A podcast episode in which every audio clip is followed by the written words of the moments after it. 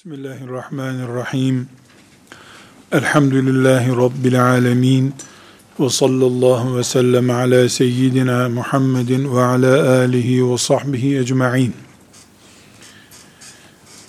Dünya ve dünya fitnelerinden kıyamete yakın gitgide bu fitnelerin çoğalmasından söz ederken bir ince hassas noktadan da söz etmemiz gerekmektedir. Mesela bir kanser hastalığı ne kadar risk ise bazı insanlarda o hastalık olmadan riske dönüşmüş bir kanser sıkıntısı olur. Yani hastalığın korkusu hastalıktan beter hale bir insanı getirebiliyor. Bu bir nevi psikolojik veya çevresel faktörlerden etkilenmiş olsa da yokken kanser varlığı gibi sıkıntı oluşturur ya da aslında tedavi olacak olması mümkün bir kanserden bir daha tedavi olmayacağını düşünen bir hasta üreyebilir. Bizim Resulullah sallallahu aleyhi ve sellem'den dinlediğimiz ve kıyamete yakın yoğunlaşarak artacağına dair bilgimizin bulunduğu fitneleri ifrat ve tefrit açısından bu noktada yakalayanlar ya da fitnelere bu şekilde yakalananlar gelmeden deccal ona teslim olmak veya gelince deccal avuçlarında esir olmak gibi bir tehlikeyle karşılaşırlar. Evet, Resulullah sallallahu aleyhi ve sellem fitnelere karşı bizi ikaz etmiştir. Müslüman olmamız bu fitnelere karşı uyanık bulunmamızı gerektirmektedir. Ama fitnelere karşı uyanık olmak sabahlara kadar uykusuz kalmak demek değildir hayatı devam ettirirken, gece uyurken, iş güçte iken, ibadetleri yerine getirirken, uyanık bulunmak gerekmektedir. Şeytan, fitneler yöntemiyle bizi çürük ve dökük hale getirmeyi istiyorsa eğer, daha fitnenin kendisine dair bir işaret gelmeden, korkusuyla fitnenin bizi düşürebilir. Bir kere şunu unutmuyoruz. Allah bize kaldıramayacağımız bir iş yüklemez. Namaz da kaldırabileceğimiz için bize emredilmiştir. Fitneler de kazanabileceğimiz bir imtihan olduğu için karşımıza çıkarılacaktır. Neticede Müslüman için perişan olmak yoktur. Çilesiyle, endişeleriyle, korkularıyla beraber kazanacağı ihtimali de bulunan, kaybedeceği ihtimali de bulunan bir sürecin içindedir Müslüman. Yani fitnelerden ürküp en büyük fitne olan Allah'tan umutsuzluk bataklığına düşmemek gerekiyor. Bu da bir fitne çeşididir. Fitnelerden korkma fitnesidir bu. Biz fitne korkusu edebiyatı ile hiçbir tedbir alamayız. Fitnelere karşı ne yapacağımızı da Allah ve peygamberi bize göstermiştir.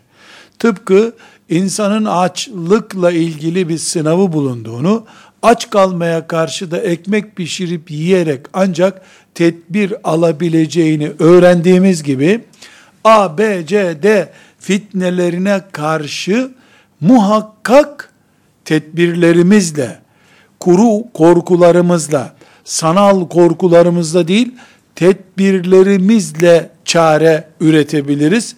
Bizden önceki ümmetlerde fitneler gördüler. Biz de fitne göreceğiz. Biz teknolojimiz ve imkanlarımız dünya e, imkanlarımız karşımıza bol olarak çıktıkça fitne riski de büyüyor demektir. Ürkerek, korkarak, sanal korkular üreterek, gerçekçi olmayan tedbirler üreterek fitnenin sadece kucağına düşmüş oluruz. Sadece fitneye karşı zafiyet içinde bulunmuş oluruz. Hayır, tam aksine bir mümin olarak biz en büyük fitneye karşı en büyük imanımızla çıkacağız demektir. Eğer fitneler perişanlığımızı, dağınıklığımızı, parçalanmış Müslüman görüntümüzü ortaya çıkaracaksa birleşme uğrunda, beraber olma uğrunda mücadele edeceğiz demektir. Fitne tehlikedir doğru. Bu tehlikeye karşı güvenlik tedbiri oluşturmakta Müslüman olarak bizim görevimizdir. Bir ıstılah olarak şöyle mantık oluşturabiliriz. Bunu bir nevi ıstılahlaştırmak istiyorum. Fitne varsa bende de denge vardır. Ne fitneden korkup kaçarım, ne fitnenin içine düşecek kadar aklı kıt bir hayat yaşarım. Fitneye karşı da dengeli olmak zorundayım. Tıpkı ibadette bir denge söz konusu olduğu gibi. Mesela Allah yolunda mal harcamak da bir dengeyle olduğu zaman makbuldür. Bütün malımı Allah için harcamak istiyorum, infak etmek istiyorum diyen sahabiye Resulullah sallallahu aleyhi ve sellem Efendimiz böyle olmaz buyurdu. O zaman yarısını vereyim dediğinde de o da çok buyurdu. Üçte biri olur mu deyince o olabilir buyurdu. Sallallahu aleyhi ve sellem Efendimiz mal infak ederken bile bir dengeden söz ediyoruz. Namaz kılarken sabahlara kadar namaz kılmayı değil, sabah namazını kaçırtmayacak, gündüz işi gücü engellemeyecek, uykumuzu sağladıktan sonra teheccüde kalkmayı bir denge olarak görüyoruz. Sevgide ve nefrette Resulullah sallallahu aleyhi ve sellem dengeli olun buyuruyor. Sınırsız bir sevgiyle kimseyi sevmeyin. Sınırsız bir düşmanlıkla kimseye kim beslemeyin buyuruyor. Dengeye davet ediyor. Namazda bile bir denge söz konusu. Hatta ve hatta sadece iyi anlaşılsın diye bu örnekleri veriyorum. Resulullah sallallahu aleyhi ve sellem ki bizim reçetemizdir. Cennet umudumuzdur. Şefaat kaynağımızdır. İmanımız ona dayanmaktadır.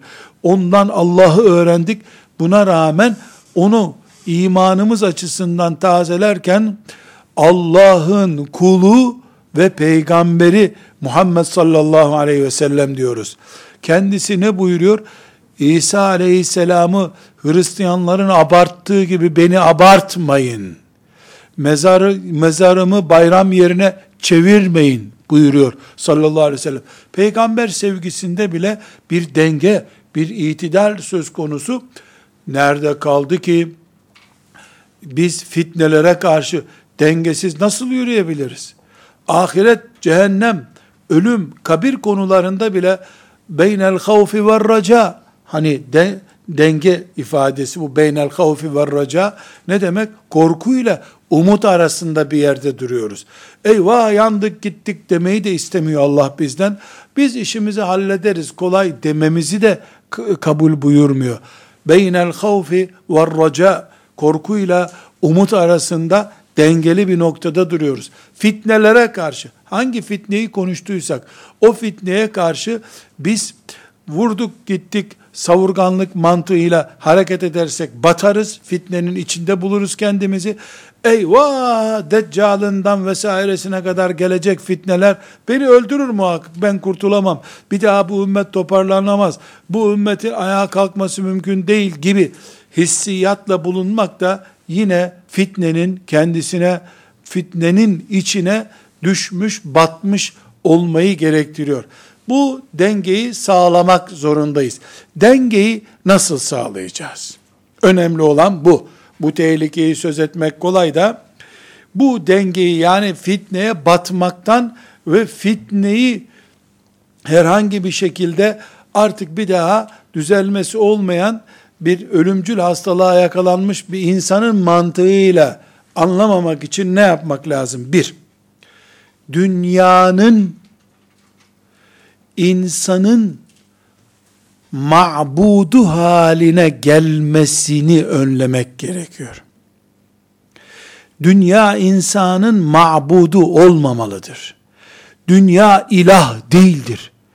Dünya bizden secde hakkı taşımıyor. Yani secde etmemiz gerekmiyor dünyaya. Dünya fani. Dünyaya ebedi rol biçemeyiz. En büyük sıkıntılar dünyanın mabutlaştırılmasındadır. Elbette kime tapınıyorsun sorulduğunda dünyaya diyen olmamıştır bu alemde. Ama tuğlu emel dediğimiz uçsuz bucaksız hayaller, kimi zaman bir dükkan, kimi zaman bir daire, kimi zaman bir diploma, kimi zaman bir evlenilecek eş adayı, kimi zaman iş imkanı, kimi zaman force, kimi zaman koltuk, hangi şekliyle olursa olsun, şeytan bizi dünyaya karşı onu mabutlaştırmış, ilahlaştırmış olarak belli bir bataklığa çektikten sonra fitnelere karşı da ya savunmasız, çaresiz, zafiyet içerisinde ya da hiçbir şekilde fitneleri önemsemeyecek kadar dünyaya hepten batmış bir seviyeye getirecektir. Bunun temelinde esasen Allah korkusu vardır ama Allah korkusunu zikretmeye gerek yok. Zaten la ilahe illallah Muhammedur Resulullah demek Allah'tan korkuyor olmaktır. Allah'a umut bağlanmaktır ama dünyanın ilahlaştığı bir ortamda dünyanın mabut olduğu bir zamanda veya mekanda Müslüman Allah'tan korkmanın edebiyatını yapar. Hiçbir zaman korkmaz Allah'tan. Çünkü yani korkar bir iş yapmaz manasında. Korkar elbette. Yani çok uç noktalarda cehenneme girmekten korkar ama bu korku 10 saniye sürer. Korku cümlesi bittikten sonra tekrar hayatına döner. Çünkü dünya bir kamuflaj malzemesi gibi Müslümanın gözünde bir katarakt gibi olur ve Allah'ı, cenneti, cemalullah'ı hiçbir şeyi görmeyen kör bir Müslüman haline gelir. Temelde dünya sevgisi, dünyanın mabutlaştırılması, dünyanın gizli bir tanrıçaya dönüşmüş olması Müslüman için de söz konusudur. Kafirin zaten böyle bir derdi yoktur. Bu noktada Müslüman dünyayı ilahlaştırdıktan sonra gözünde sorun artık bir kangrene dönüşmüştür. Hiçbir şekilde tedavisi söz konusu değildir. Ta ki dünya orijinal konumuna dönmelidir. Dünya mezarında kalacağımız zaman üstünde kalacağımız zamandan daha fazla olan bir yerdir. Dünyaya böyle inanacağız. Evet dünyada biz bulunacağız bir miktar üstünde bulunacağız. 100 sene bilemedin 150 senedir. Ondan sonra altında bulunacağız. O da belki 10 bin senedir. Dünyanın altında bulunanların sayısı ve orada bulundukları süre kesinlikle yukarıda bulunanlardan ve yukarıda bulunma süresinden çok daha fazladır. Bu mantıkla dünyayı kabullendiğimiz zaman o ilahlaşamaz gözümüzde. Mabudumuz haline gelemez. Gelemeyince de dünya orijinal yerinde durduğunda imtihanlarımızdan birisi olan fitnelere karşı bizim için dünya bir sıkıntı olmayı kaybeder. Bilakis yarış hızımızı oluşturur. Bizim için kamçı olur belki.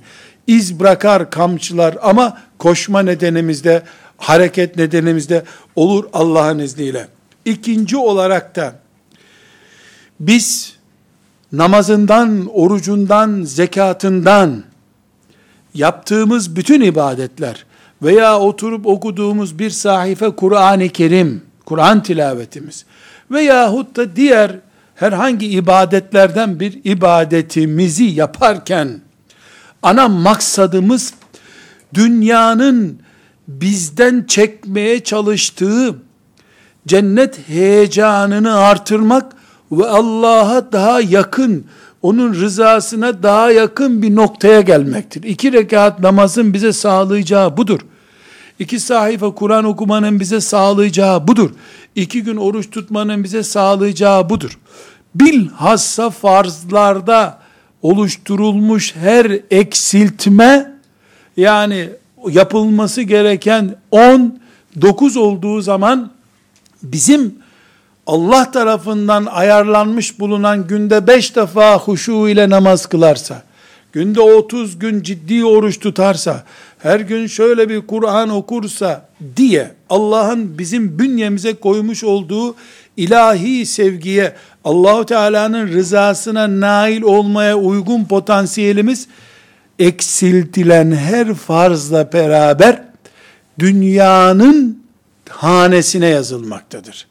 Yani bugün bir sabah namazı kaçıran, aslında sabah namazından oluşan mesela 10 bin sevabı kaçırdı deyip bitiremiyoruz işi. Evet sabah namazı kaçırdığı için bugün 10 bin sevap kaçırmıştır ama dünya hesabı açısından da eksi 10 bin olmuştur o. Yani dünya 10 bin puan ilerlemiştir onda. Sabah namazını kılsaydı 10 bin puan cennet ona yakın olacaktı. Şimdi dünya yakın oldu. Halbuki biz ne dedik? E, dünyanın mabutlaşmaması lazım. Dünyanın ilah düzeyine getirilmemesi lazım. Getirildiği zaman dünya başımızın belasıdır. Bu belaya sadece ey dünya ben sana tapınıyorum demek için veya demekle oluşmuyor bu. Kılmadığın sabah namazı, o sürekli terk ettiğin Kur'an-ı Kerim, ihmal ettiğin oruç veya ters taraftan bakıldığında bulaştığın her haram, işlediğin her günah bir miktar sana Allah'tan uzaklaşmayı, Allah'ın rızasına uzak kalmayı, o çekim alanının dışına taşmayı getirdiği kadar dünyaya batırıyor seni. Halbuki senin gayen dünyanın altında kalacağın zamanın üstünde kalacağından daha fazla şuuru ile yaşamaktı. Bu ise sana o şuuru unutturacak eksi bir puan olarak gelmektedir. Burada dünyanın kendisini bize açmasına karşı, dünyanın yemyeşil görüntüsünün, cazibiyetinin bizi çekmesine karşı herhangi bir tedbir almadan boşlukta bulunmak gibi bir sürecin adıdır bu.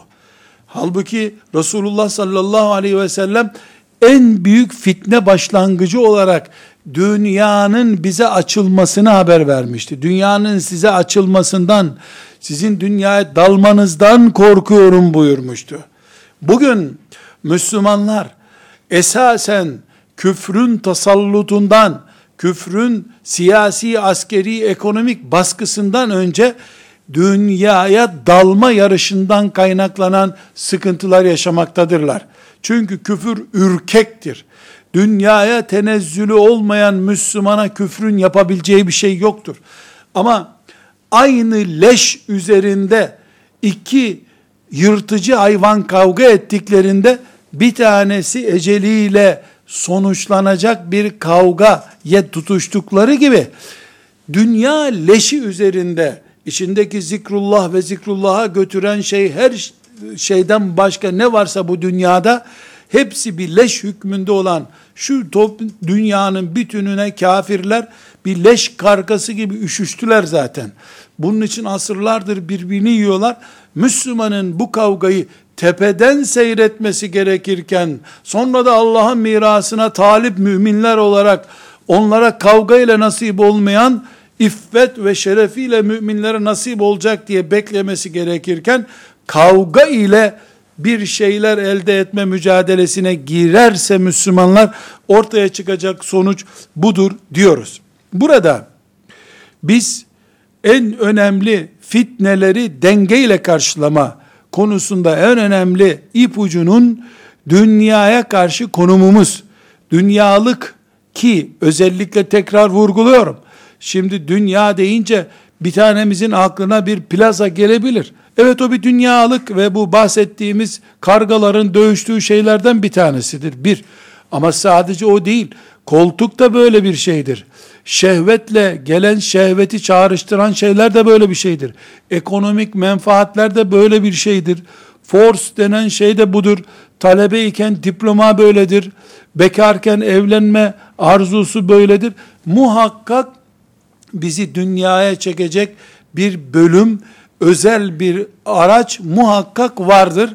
Allah bunu çünkü imtihan için karşımıza çıkarıyor. Dolayısıyla birimiz koltuktan dolayı, öbürümüz apartmandan dolayı, öbürümüz diplomadan dolayı bir yerden muhakkak biz bu bataklığa düşebiliriz. Buna hazır olacağız. Bu arada mümin insanların dünya bataklığına düşmeden, dünyayı mabutlaştırmadan, mümince yaşamak için kendilerine lazım olan imani hayatın en önemli enerjisinin sabır olduğunu unutmamaları gerekiyor. Sabrı hastanede hasta bir insanın iyileşme sürecini beklemek şeklinde anlıyorsak bu söz yanlış. Sabrı haramlar kışkırttıkça direnmek olarak anlıyorsak doğru bir sabır. Sabrı önüne gelen helal olmayan her ne varsa onu yok kabul etmek olarak anlıyorsak doğru bir anlayış. Sabrı Allah'a ulaşıncaya kadar dünyaya tenezzül etmemek diye anlıyorsak doğru bir anlayıştır bu. Bunun dışındaki anlayışlar yani sabrı sadece bir trafik kazasından sonra e, işte tedavi için beklemek gibi yahut da yaşlıların ecelini beklemesi gibi anlayanlar bu sözüme bir mana veremeyebilirler. Ama herkesin haramdan ulaştığı şeye helalden başka bir şekilde el sürmeme ciddiyeti sabır çeşididir.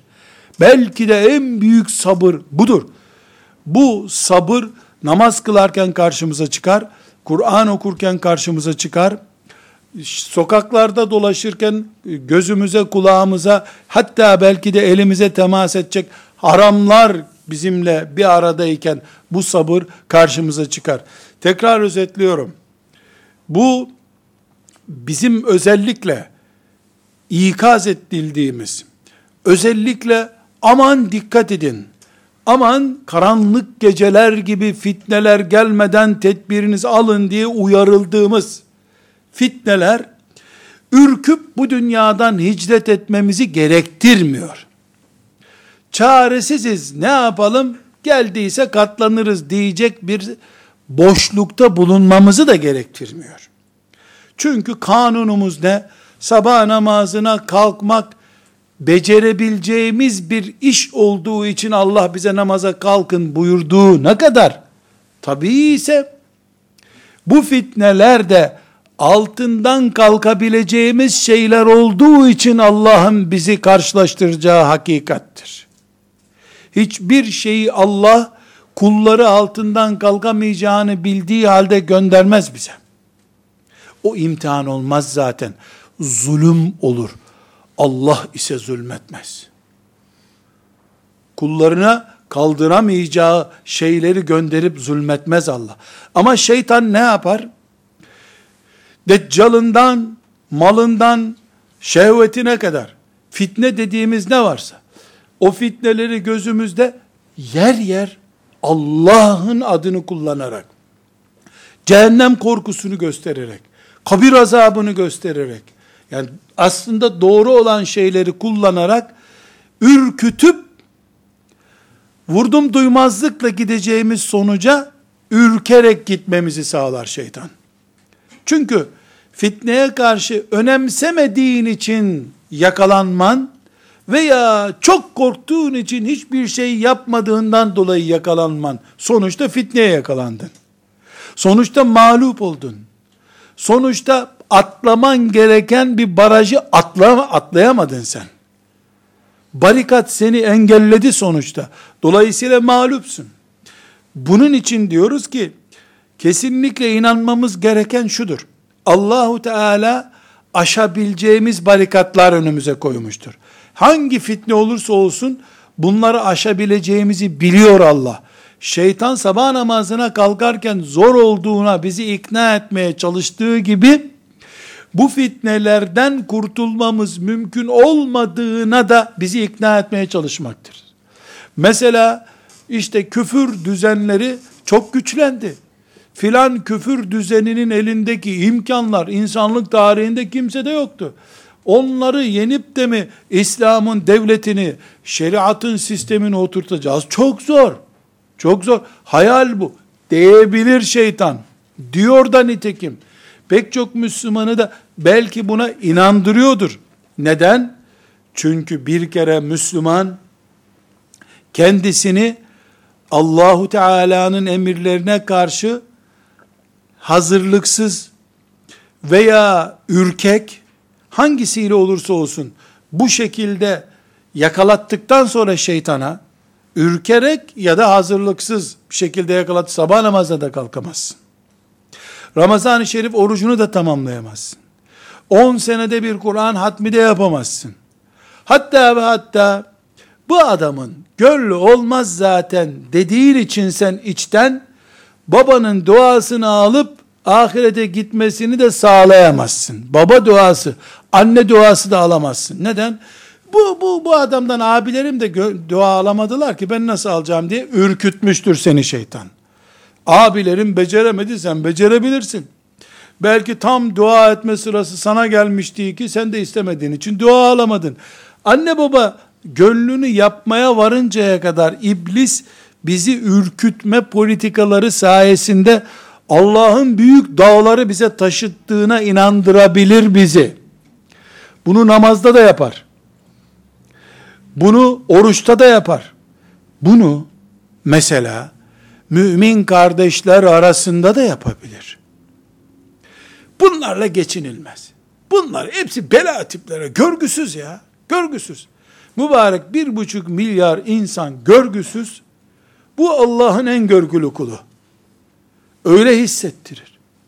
Böylece kıyamet günü sen dirilirken, kimseyle geçinememiş, hiçbir müminden hayır dua alamamış biri olarak dirilirsin. Halbuki Allah sana ne emretmişti? Onun filan arızasına, bunun filan arızasına, şunun filan arızasına rağmen müminlik çatısı altında buluşmayı becer demişti. Sen ise çok ince bir elekten geçirmeye çalıştın. Filtrenden neredeyse hava bile geçmeyecek kadar ince bir filtre kullandın. Böylece hiç kimse senin filtrenden geçemedi. Herkes eleğin dışında kaldı. Sen tek kaldığını zannettin. Tek kaldın ama şeytanın yanında tek kaldın. Bu sebeple mümin kardeşliğimizi bile şeytan bu mantıkla başımıza bela edebilir. Eşlerin arasında böyle bir pozisyonu büyütü büyütü bununla yaşanmaz dedirtebilir. Hatta anne ve babalara çocukları için bu çocuktan hayır gelmeyecek. Bu insan değil zaten. Bu bir trafik kazasında ölse gitse de kurtulsak dedirtebilir. 10 sene sonra da bu sözü söylediğine bin kere onu pişman ettirir. Ama iş işten geçtikten sonra sen yapacak bir şey bulamayacaksın bu dünyada. Zamanında göstermen gereken anlayışı 10 sene sonra göstermen bir işe yaramayacak. Bu örnekleri özellikle ümmetimizin en zor badirelerinden birini yaşadığımız bu zamanda ki yarın bugünden daha zor olacak. Öbür gün yarından çok daha zor olacak. Ama Allah'ın izniyle kazanılmanın daha güzel olduğu, ecrin daha fazla olduğu, belki de 50 sahabi kadar çalışmış gibi bir Müslümanın sevap kazanacağı bir sürece doğru gidiyor ümmeti Muhammed. Hiçbir sıkıntımız yok. İman ediyoruz ki Allah Celle Celaluhu bize katlanamayacağımız bir yük yüklemez. Hangi fitne çeşidi olursa olsun, ümmetin dağınıklık fitnesi, grup grup olma fitnesi, daha sonra örneklerini göreceğimiz ümmetin alimlerinin, hocalarının bir araya gelememesi, bir deccal fitnesi kadar ağır bir fitne bu. Allah diye Allah'a çağıran, Peygamber aleyhisselama çağıran, ümmet diyen, beraber olun ayrılmayın diye insanlara nasihat edenlerin çay içmek için bile bir araya gelemeyecek ayrılık ve zıt kutuplarda birbirini iten çaplarda olmaları bir fitne çeşididir. Ümmet bundan da kurtulur Allah'ın izniyle. Neden? Eğer bu ümmetin başına böyle bir bela gelmişse, herkes kendi çöplüğünde ötüyor, asla bir arada bir durmayan horozlar gibi olmuşsa ümmetin ileri gelenleri bile bu da bir fitnedir. Bununla da Allah bizi imtihan etmeyi murad ediyordur.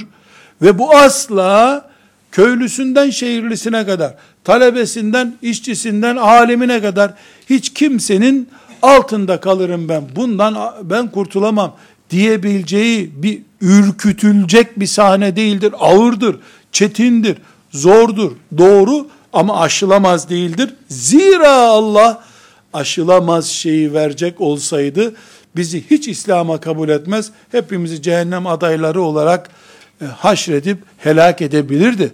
Cennet nimetini Allah önümüze koyduktan sonra, imanla bizi şereflendirdikten sonra niye bize böyle yapsın ki allah Teala? Bizi imanla şereflendirdi bir defa. Bu sebeple güzel kardeşlerim çok önemli bir kuraldan konuşuyoruz. Fitnelere karşı en hassas ayarlarımızla uyanık bulunmak zorundayız. Ama korkunun ecele faydası olmadığı gibi korkup gitmek fitnelerden kurtulmuyor. Daha fazla fitne seni gittiğin yerde geliyor buluyor. Bu sefer de bir tür cihat kaçkını olduğun için bile bile kendi çukurunu kazmış Müslüman durumuna düşüyorsun. Fitnelerden kaçmıyoruz. Bir. İkincisi çok dikkat edilmesi gereken bir husus. Fitnelere karşı biz tedbirli olacağız. Resulullah sallallahu aleyhi ve sellem bize fitneler gelecek diye buyurdu. Bu bir hakikat. Ancak aynı peygamber sallallahu aleyhi ve sellem en büyük uyarı olan, en büyük e, ve bir nevi başka ötesi olmayan fitne olacak olan kıyameti bile tasvir ederken önümüzde ne buyuruyor? Kıyamet koparken bile elinizdeki fidanları dikin siz buyuruyor. Kıyamet koptuktan sonra o ağaç ne zaman büyüyecek de hurma verecek de kim yiyecek onu? Dünyada kim kalacak ki o zaman? Olsun sen işini yap. Kıyametten daha büyük bir fitne yok. Son o çünkü. Sahnenin kapandığı günün adı kıyamet. Tavsiyesi ne sallallahu aleyhi ve sellemin? Sen fidanını dik. Kıyametten daha bu tarafa doğru olan fitneler esnasında, olaylar esnasında ne buyuruyordur acaba bize sallallahu aleyhi ve sellem Efendimiz? Kıyamet ki ötesi yok hayatın. Zaten kıyamet 5-10 saniye içinde bitecek bir şey. Aylarca sürmeyecek. O 10 saniyede de ağaç dikilmez. Kazmayı vur, al fidanı koy. E, bir yarım saat alır bu. Dikemezsin o fidanı ama sen dikmeye çalış. Buyuran Peygamber sallallahu aleyhi ve sellem. Mal fitnesi, şehvet fitnesi, siyaset fitnesi, zulüm fitnesi, siyonizm fitnesi, say fitneleri say. Bu kadar fitneler var diye ki kendisi pek çoğunu bize haber verdi sallallahu aleyhi ve sellem. Bize ne tavsiye ediyordur? İmam efendi bu fitne zamanında teheccüdünü kıl, arkandakilerin çoğu münafık olabilir. Boş versen onların namazını mı dedi ona? Der mi? Hoca efendiye kimse Kur'an okumuyor. Kimse Arapça öğrenmiyor. Herkes diploma peşinde. Lanet olsun bir millete sen otur tefsirini oku sabaha kadar. Der mi? Dedi mi? Siyasetçiye küfür zaten aldı götürdü her şeyi. Müslümanlar siyasete ilgilenmiyorlar. Ben şeriat istiyorum desen kimse oy vermeyecek sana. Sen de bari demokrasiye geç hadi hayırlı olsun. Hadi boş ver bundan sonra hayat böyle. Der mi? Dedi mi? Yoksa Allah'ın şeriatından yanayım diyen son adam ve dünya yıkılırken, siyaset bu dünyada biterken bile şeriat fidanı dikmeye devam eden adam ol mu dedi. Öyle mi der? Hiçbir şekilde kadınlarla evlenilmez. Bela, bildiğim bela, gökten düşmüş bir ateş gibi bunlar. Uzak dur bekar kal bu dünyada mı der. Dedi mi? Yoksa böylesi olmalarına rağmen Allah'ın rızası bunlarla evliliktedir mi dedi. Gördüğünüz gibi Adem Aleyhisselam'ın zamanından beri erkekler kadınları eziyor, tarumar ediyor. Lanet olsun bu erkeklere uzak durun mu der erkeklerin bu kadınları ezen, zulmeden veya öyle iddia edilen tavırlarına karşı kadınlara çekilin kenara lazım değil erkekler mi der yoksa katlanın karşılığını Allah'tan bekleyin mi der fitnelere karşı Müslüman kaçıp gitme hakkına sahip midir? Yoksa fitneye rağmen bütün fitneler bu sabah namazından itibaren başlayacak olsa bile ben Rabbimin bana emrettiklerini yapmaya devam ederim.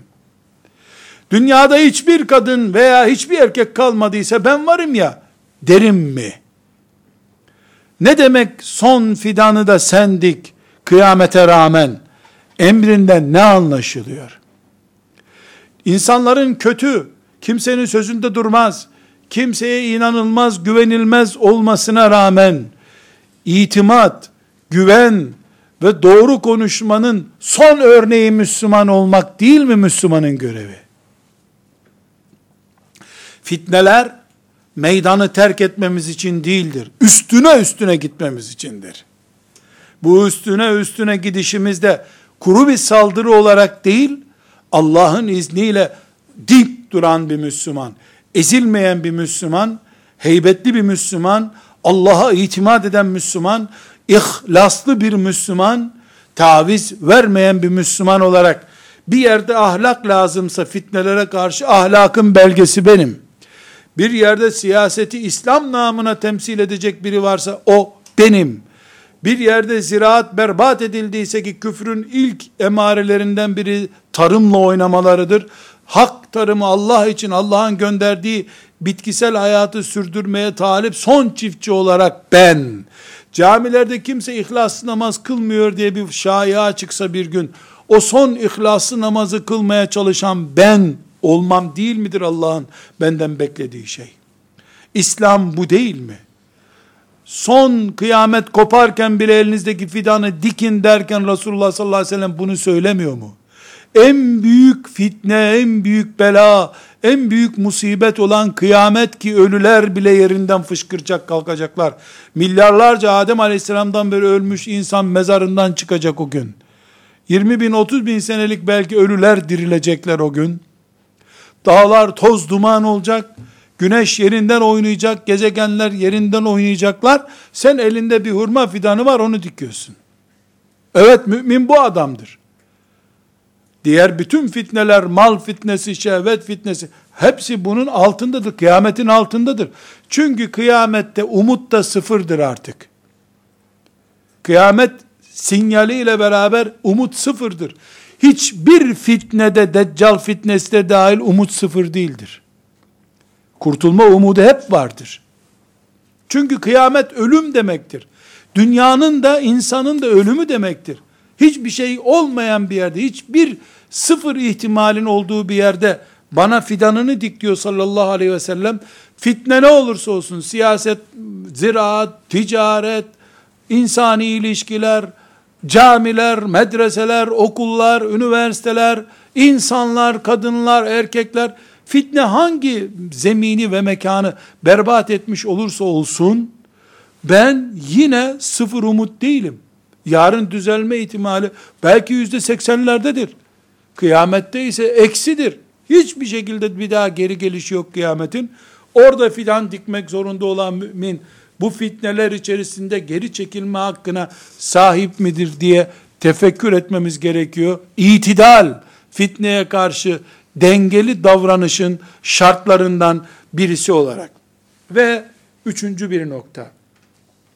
Herhalde Müslüman nesillerin düşeceği en önemli taktik hatalarından birisi.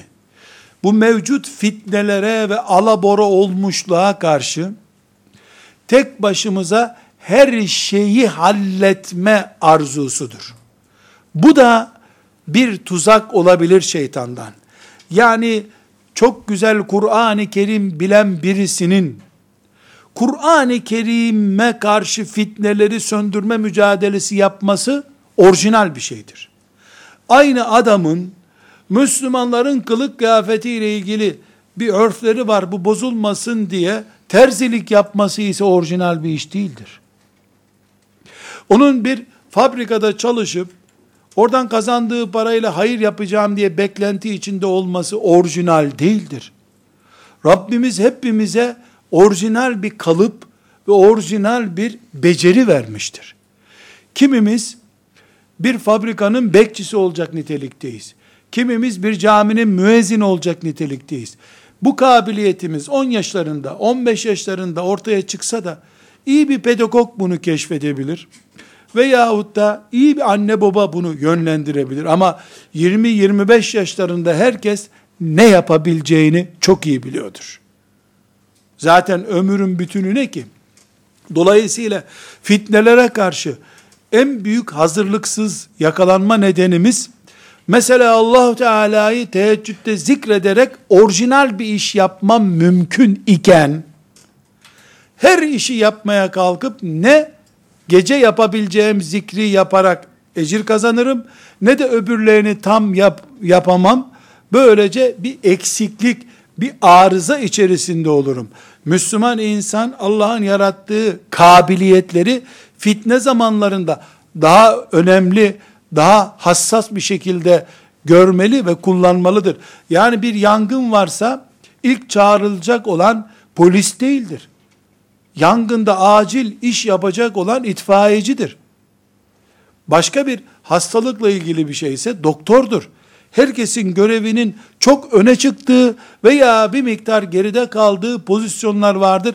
Görev karışıklığı, kabiliyetleri yanlış değerlendirme hastalığı bir sıkıntıdır. Burada İmam Malik rahmetullahi aleyhten bir örnek vereceğim ve sözlerimi İmam Malik'le bu bölümde bitireceğim. O kadar müthiş bir şey söylüyor ki Allah ona rahmet etsin. İmam olmak böyle bir şey demek ki diyor insan. İbn Abdülber Temhid isimli kitabında İmam Malik'e ait e, büyük tespitleri derleyip bize ulaştıran önemli şahsiyetlerden birisi. E, o günlerde e, yaşayan bir alimin İmam Malik Abdullah İbni Abdülaziz el-Umeri el-Abid diye bir zat. Bu zat ile İmam Malik arasında bir yazışma var. Bu yazışmayı bize aktarıyor. Allah rahmet eylesin. Her ikisinin şefaatine nail etsin. İmam Malik kim? Medine-i Münevvere'de talebe okutan, hadis okutan, fıkıh dersleri veren bir fakih, bir alim. Bu Abdullah Aziz el-Abid el-Umeri adı üstünde teheccüden akşama kadar namazla, oruçla meşgul olan işte bugünkü ifadelerle söyleyeyim ama öyle değil, adı öyle değil. Sufi birisi. Yani sabaha kadar namaz kılan, akşama kadar oruç tutan, ibadet delisi bir Müslüman. Hangisi değerli? Haşa, biz bunu takdir etmemiz mümkün değil. Belki Allah'ın terazisinde bu Umeri denen zat, el-abid, yaptığı ibadetlerle İmam Malik'ten daha değerlidir belki. Belki de İmam Malik'in yanında o daha basittir Allah katında. Ama zahiri sebeplere baktığımızda her ikisi de bu ümmet için büyük işler yapıyorlar. İmam Malik rahmetullahi aleyh tedrisle yani talebe okutmakla meşgul. Bu zat ibadetle meşgul. Bir gün İmam Malik'e bir mektup yazmış. Demiş ki, duyuyorum haberlerini, sen bayağı talebelerle meşgulsün, işte gelen gidene fetvalar veriyorsun, bana göre biraz boş çalışıyorsun sen. Bırak o işleri artık, hem yaşlandın, sen de benim gibi çekil bir kenara, otur, tesbihini çek, namazını kıl. Diyor. Klasik emekli olunca el eteğini çekip kendini tesbihe, namaza verme anlayışı var ya şimdi. O zamandan bir tavsiye türü bu. İmam Malik mektubu okuyor ve ona cevap olarak diyor ki, güzel kardeşim diyor, Rabbim hepimizi bir boşluk dolduralım diye yarattı. Beni de burada Resulullah'ın hadislerini öğretmek için yarattı. Seni de tesbih yapıp melekler gibi Allah'ın önünde secde etmen için yarattı. Biz birbirimizin yerine oturunca bu değeri taşımayız. Bulunduğumuz işte değerliyiz. Sen senin haline devam et. Ben benim halime devam edeyim. Ne ben senden kıymetliyim diyebilirim, ne de sen benden kıymetlisin derim. Hangimizin amelini Rabbimiz kabul ederse, o kazanacak. Selamun aleyküm deyip, mektubu geri göndermiş. Güzel kardeşlerim, tam 1230 sene öncesinden söz ediyorum. 1230 sene önce. Ve bu sözlerin yazıldığı yer Medine. İki imam yazışıyorlar. Biri zühtte, takvada, ibadette imam. Öbürü fıkıhta ve hadiste imam. Allah ikisine de rahmet etsin. Bizi şefaatlerine erdirsin. Ama birisi çok sosyal hayattan uzak, seccadede, karanlık odada namazda ömrü geçtiği için, aldığı lezzet gözünü karartmış, secdeden aldığı hazzı, İmam Malik niye alamıyor diye merak etmiş. Çünkü İmam Malik'in önüne bir şey anlamayan geliyor, laf anlamayan geliyor. O günün siyasetçileri gelip İmam Malik'e takılıyorlar. Mesela İmam Malik siyasetçilerin gönlünü yapan, yapan fetvalar vermediği için kırbaçlandı. Kırbaçlanan imamlardan birisidir. Yani bizim dört büyük imamımız var. Üçü kırbaçla ölmüştür. İmam Malik daha sonra iyileşti hastalığı ama İmam Malik de günlerce namazda elini kaldıramayacak kadar ağır hastalandı kırbaç yüzünden. Ahmet bin Ambel o şekilde zaten Rabbine kavuştu. O darbelerden sonra. İmam Malik de hapishanede öldü. Kırbaç yediği bir dönemde. Tavizsiz mümin oldukları için. İmam Malik'in bu durumunu kendince başka türlü değerlendirmiş. Siyasetçilerin işine ne karışıyorsun sen? Gel ibadet edelim demiş. Cevabında İmam Malik'in iki çizgi var. Bir, karşısındakini basit görmüyor. Ya senin yaptığında zaten tasavvuflu olacak değil bu işler filan demiyor. Aksine onu takdir ediyor. Sen çok güzel bir iş yapıyorsun diyor. Çok güzel bir iş yapıyorsun. Ama benim de bu işi yapmam gerekiyor. Allah beni bunun için yarattı diyor. Ne sen benim yerimde kıymetlisin, ne ben senin yerinde kıymetliyim. Bulunduğumuz yerde kıymetliyiz. Bu iki çizgisi İmam Malik'in, rahmetullahi aleyh, Allah İbni Abdülber'den de razı olsun, rahmetler etsin ona, bu hatırayı bize naklediyor. İmam Malik'ten sadece iki asır sonra, çok kısa bir zaman sonra bu hatırayı naklediyor. Muhteşem bir hatıra. Bugün ne bir fabrikada çoluk çocuğunun maişeti için çalışıp iffetli, ahlaklı çocuk yetiştirmeye çalışan bir Müslüman değersiz bir konumdadır. Ne de o Müslüman on binlerce talebesi olan bir hoca efendiden daha basittir Allah katında. O Müslümanı Allah o fabrikada üç tane iffetli kız yetiştirsin kazandığı maaşla diye seçmiş. O üç kızı yetiştirip evlendirince Allah ona cennet vaat etmiş. Bu Müslümana da bu hadisi şerifi ona okuyacak şekilde hadis alimi ol diye görev vermiş. Bu atama kararnamelerimiz her ne kadar Cebrail aleyhisselam tarafından imzalı bir şekilde bize getirilmedi ise de kaderimize iman ediyoruz.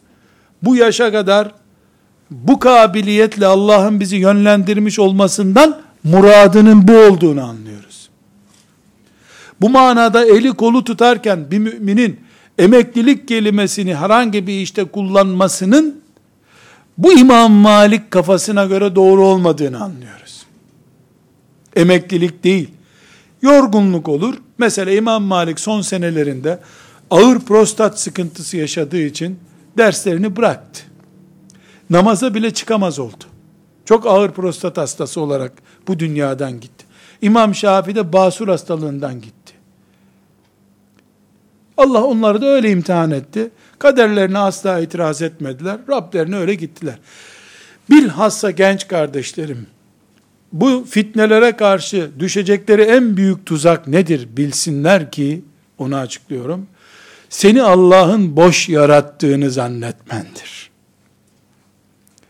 Bu öyle bir tuzaktır ki, bu tuzağa önce Kabil'i düşürmüştü iblis. Şimdi de seni düşürüyor. Boş bir insan yaratmak ve Allah. Bunu insan düşünebilir mi ya? Kafir bile düşünmez Allah beni boşuna yarattı diye. Hiç Allah, hakim olan Allah, boş birini yaratır mı? İkinci uzantısı bunun, kesinlikle boş yaratmadığı gibi, 20 senedir senin bunu keşfedememen de aynı derecede bir hatadır. İlk 5 sene, 10 sene, 15 sene olabilir. Hiçbir şey yapamıyorsan kendini sunarsın. Bir hoca efendiye çantanı taşıyayım mı ben ölünceye kadar sen veya ben ölünceye kadar de. Demek ki seni Allah o alemin çantasını taşımak için yaratmış. Hiçbir şey bulamadıysan anlasana yavrum. Allah seni git annenin babanın eteklerinde dur. Her gün ayaklarını öp, öp ve böylece cennete gir diye yaratmış. Anlamıyor musun? Anlamıyor musun? Allah ve boş yaratılmış olmak. Hii, çarpılır insan böyle bir şey düşünse. Ve sen bu koca dünyada bir saç kılından 50 sene önceki cinayetin keşfedileceği kadar ilmin ilerlediği bu dünyada hala niye yaratıldığını bulamamışsın.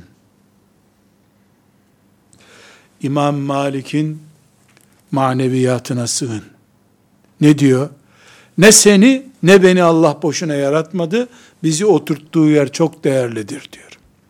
Biz buna teslim olup Rabbimizin bizi oturttuğu yerde ne için oturttuysa onu yapmaya devam edeceğiz. Diyor rahmetullahi aleyh. Sözün özü şudur. Büyük fitneler bizi bekliyor. Ama hiçbiri kıyametten büyük değildir. Kıyamet bile fitne olarak karşımıza çıksaydı, elimizdeki fidanı dikmeye mecburduk biz Peygamber aleyhisselamın emri vardı. Sıfır umut kıyametin geri dönmesi. Halbuki deccal dahil bütün fitnelere karşı müminin selamete çıkma ihtimali hep yüzde ellidir. En azından yüzde ellidir. Şu kadar ki aval aval balkondan güneşi seyretmeyi iş zanneden bu sözü anlamaz zaten. allah Teala'nın onu boş yarattığını zanneden, bu gaflete düşen, Kabil'den sonraki en büyük aldanmış insandır. Maazallah. Ve sallallahu ve sellem ala seyyidina Muhammed ve ala alihi ve sahbihi ecma'in velhamdülillahi rabbil alemin.